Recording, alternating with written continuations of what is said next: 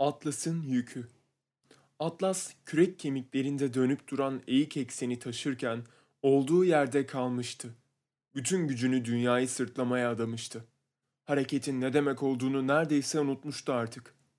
Rahat etmek için hafifçe kımıldaması bir şey değiştirmiyordu. O muazzam yüktü her şeye karar veren. Neden? Neden hemen bırakmasın onu?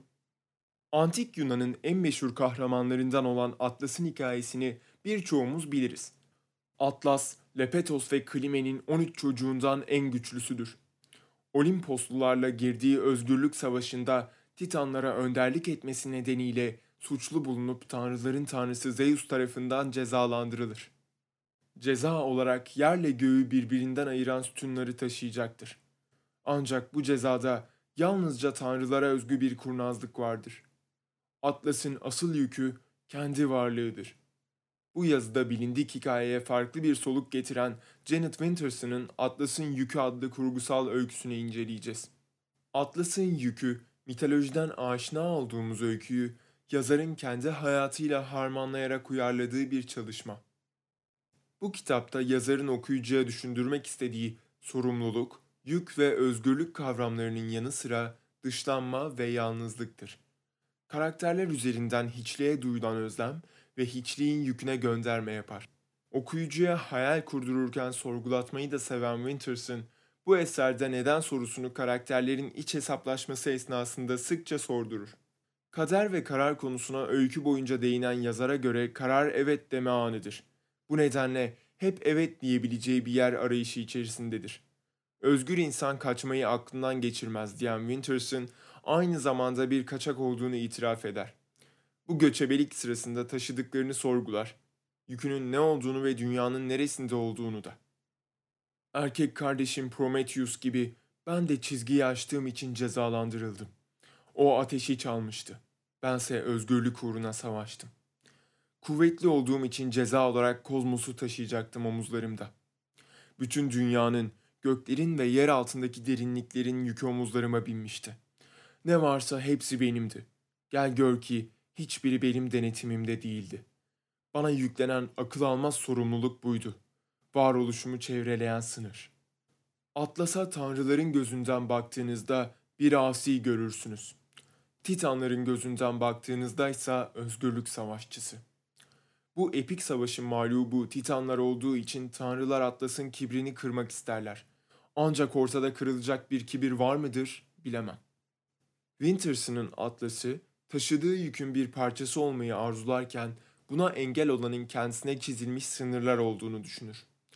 Atlas karakteri yolculuğunun başında yazgının sorgulanamaz olduğu, neden diye sormanın anlamsız olduğunu düşünmektedir. Herakles'le aralarında geçen bir konuşmada ağzından şu sözler dökülür. Neden diye bir şey yok. Sadece tanrıların iradesi ve insanın yazgısı var. Belimi büktüm. Sol dizimin üstüne çöküp sağ bacağımdan destek aldım. Başımı eğerek ellerimi kaldırdım teslim olurcasına. Avuçlarım yukarıdaydı. Teslimiyet buydu galiba. Yazgısından kaçacak kadar güçlü biri var mıdır? Kaderin istediği kişiye dönüşmekten kim kurtulabilir? Bana göre kader, karar almamanın rahatlığıdır. Karar alınmadığında doğuracağı sonuçlara katlanmak zorunda da kalınmayacaktır. Kader, ve karar ekseninde düşünceleri çarpışırken kahramanın aklına kendi özgürlüğünü sorgulamak gelir. Karar vermek bizim en büyük özgürlüğümüzdür. Özgürlüğün var olmayan bir ülke olduğunu düşünen Atlas, bir seçim şansı olduğuna inanmazken Hera ona şu sözleri söyler. Ortada tılsım filan yok Atlas. Ağacı olduğu gibi göremedin.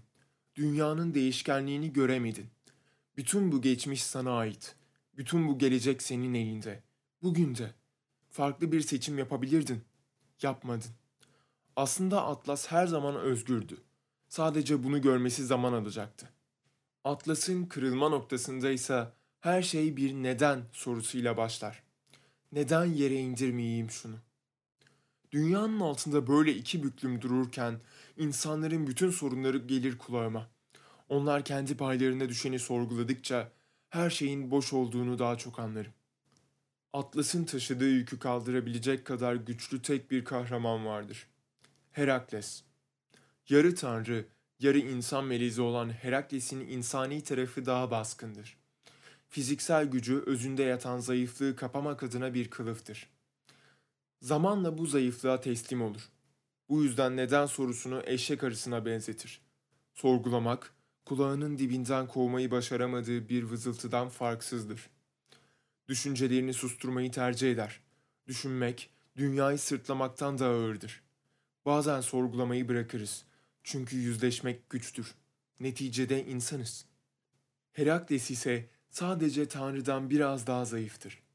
Biraz daha insan.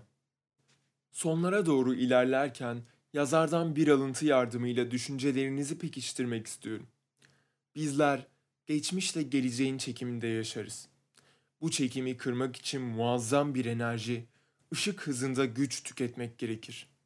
Kaçımız kendi yörüngemizden kurtulmuşuzdur? Hepimiz biraz atlasız. Her birimiz sırtında kendi varlığını taşır. Ancak arzuladıklarımız ve sınırlarımız farklıdır. Bazen yük olarak gördüklerimiz arzuladığımızı itiraf edemediklerimizdir. Ve bazen itiraf edilemeyenler kendimize çizdiğimiz sınırlardır. Atlas'ın yükünü okumak kendi atlasımı anlamama yardımcı oldu. Özgürlüğü ve arzularına sınırlar koyan, kendini tanımak isteyen tüm atlaslara bu eseri tavsiye edebilirim. Sevgili okur, her okuduğunda yükünü anlaman dileğiyle.